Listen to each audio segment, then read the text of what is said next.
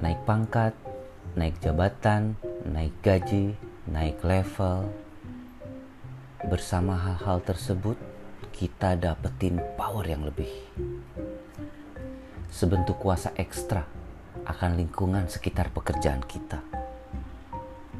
Sesuatu yang abstrak, tapi cukup untuk bikin orang-orang di sekitar jadi lebih mendekat sama kita, lebih ngedengerin kita, lebih mencoba akrab, lebih eye contact, bahkan mereka bersedia ketawa-ketawa di atas candaan kita yang sering kali gak lucu.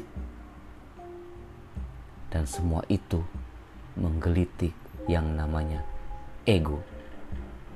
Dan ego yang tergelitik selalu menjadi lebih besar.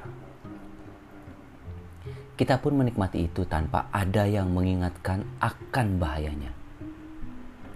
Sebulan, dua bulan, tiga bulan. Ah, rasanya menyenangkan selalu diiakan oleh orang-orang sekitar. Hingga sampailah kita pada gejala pertama. Ketika kita tidak peduli lagi untuk mengecek apakah perkataan kita menyakitkan, apakah perlakuan kita menyudutkan, bahkan apakah keputusan kita merugikan. Siapa yang peduli untuk mengecek itu semua? Ketika setiap harinya kita hanya disuguhi anggukan-anggukan yang ABS, asal Bapak senang. Kita mengalami unchecked ego, ego yang tidak pernah diperiksa sebulan, dua bulan, tiga bulan. Tenang rasanya ya, tidak ada yang mengingatkan kita mengenai perilaku egois kita. Tapi orang-orang di sekitar mulai menyadari sesuatu. Gejala berikutnya dalam penyakit ego kita. Ego menunjukkan beberapa sifatnya yang mengerikan. Pertama, Ego seperti target yang kita bawa-bawa di punggung. Semakin besar ego kita karena sering digelitik, semakin besar pula target itu. Semakin besar target itu, semakin ia kelihatan oleh orang-orang di sekitar kita. Semakin ia terlihat, semakin orang tahu bahwa kita punya ego. Semakin mereka terdorong untuk memanfaatkan kita gampang sama Pak Teddy mah. Deketin aja sama yang cakep, pasti dia mau tanda tangan. Demikian satu bentuk kecil manipulasi orang-orang terhadap seorang pemimpin yang egonya besar. Sebulan, dua bulan, tiga bulan. Hati ini mulai gelisah oleh perasaan jumawa.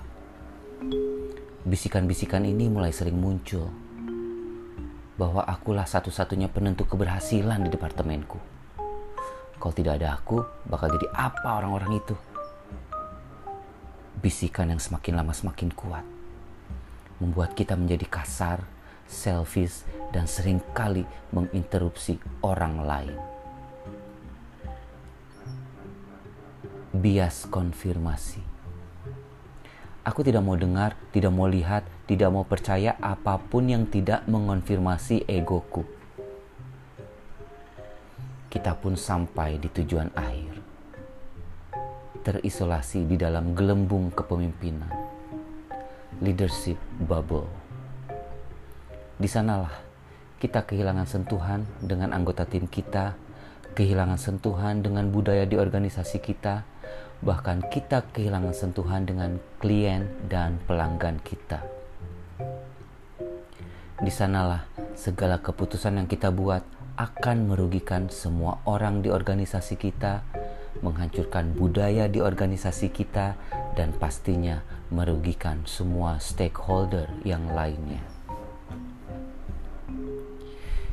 Episode ini terinspirasi sebuah artikel tentang ego dan kepemimpinan di Harvard Business Review.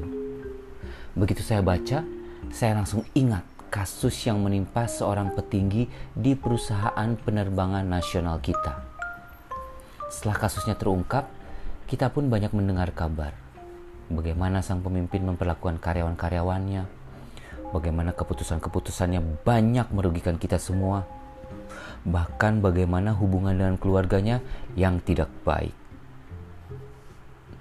Di artikel tersebut disarankan beberapa hal yang bisa dilakukan seorang pemimpin agar secara aktif menghindarkan dirinya dari leadership bubble.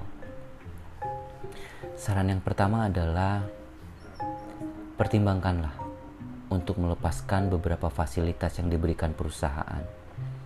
Apalagi kalau fasilitas itu terlalu mewah dan tidak berpengaruh terhadap kinerja kepemimpinan kita. Saran yang kedua adalah mulailah mencari anak-anak muda untuk dibina, dikembangkan, dan dipekerjakan. Tapi pilihlah anak-anak muda yang smart, percaya diri, dan berani speak up karena mereka bisa menjadi pengingat bahwa kita bukanlah yang paling pintar, bukan yang paling benar, dan keputusan-keputusan yang kita ambil belum tentu selalu yang paling tepat. Dan saran yang terakhir adalah menumbuhkan rasa terima kasih. Bolehlah setiap hari selama semenit sebelum memulai kerja, kita memejamkan mata, merenungkan perjalanan karir kita hingga sampai di posisi ini Ingat-ingatlah siapa yang membantu kita mencapai ini semua. Ingat-ingat nama orang-orang yang berjasa itu. Hubungi mereka, tanya kabar mereka, berikan kejutan dan hal-hal lain yang menunjukkan rasa terima kasih kita. Supaya lama-lama tumbuh sifat rendah hati kita. Kemudian sifat selflessness kita. Dan kita akan sampai di zero ego, neutral emotion. Begitulah Zene atau zero ego neutral emotion adalah istilah saya sendiri.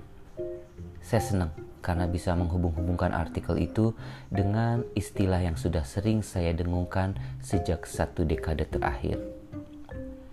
Masih banyak sekali perjalanan atau pelajaran terkait Zene. Episode ini hanyalah sebagian kecil dari pelajaran tentang Zene itu. Dan di akhir episode ini saya pengen bilang, ego yang membesar yang dikarenakan kesuksesan sering kali membuat kita merasa bahwa kita sudah tahu bagaimana caranya memimpin orang. Seperti inilah caranya, cara gue. Padahal kenyataannya kita ini tidak tahu apa-apa guys kepemimpinan itu kan hubungannya sama manusia dan manusia itu berubah setiap harinya. Jadi kalau kita hanya mau ngedengerin, hanya mau ngelihat, hanya mau percaya hal-hal yang mengonfirmasi ego kita aja, itu artinya kita udah bikin kesuksesan kita di masa lalu dipastikan akan ngehancurin kesuksesan kita di masa depan. Thanks a planet and have a good one.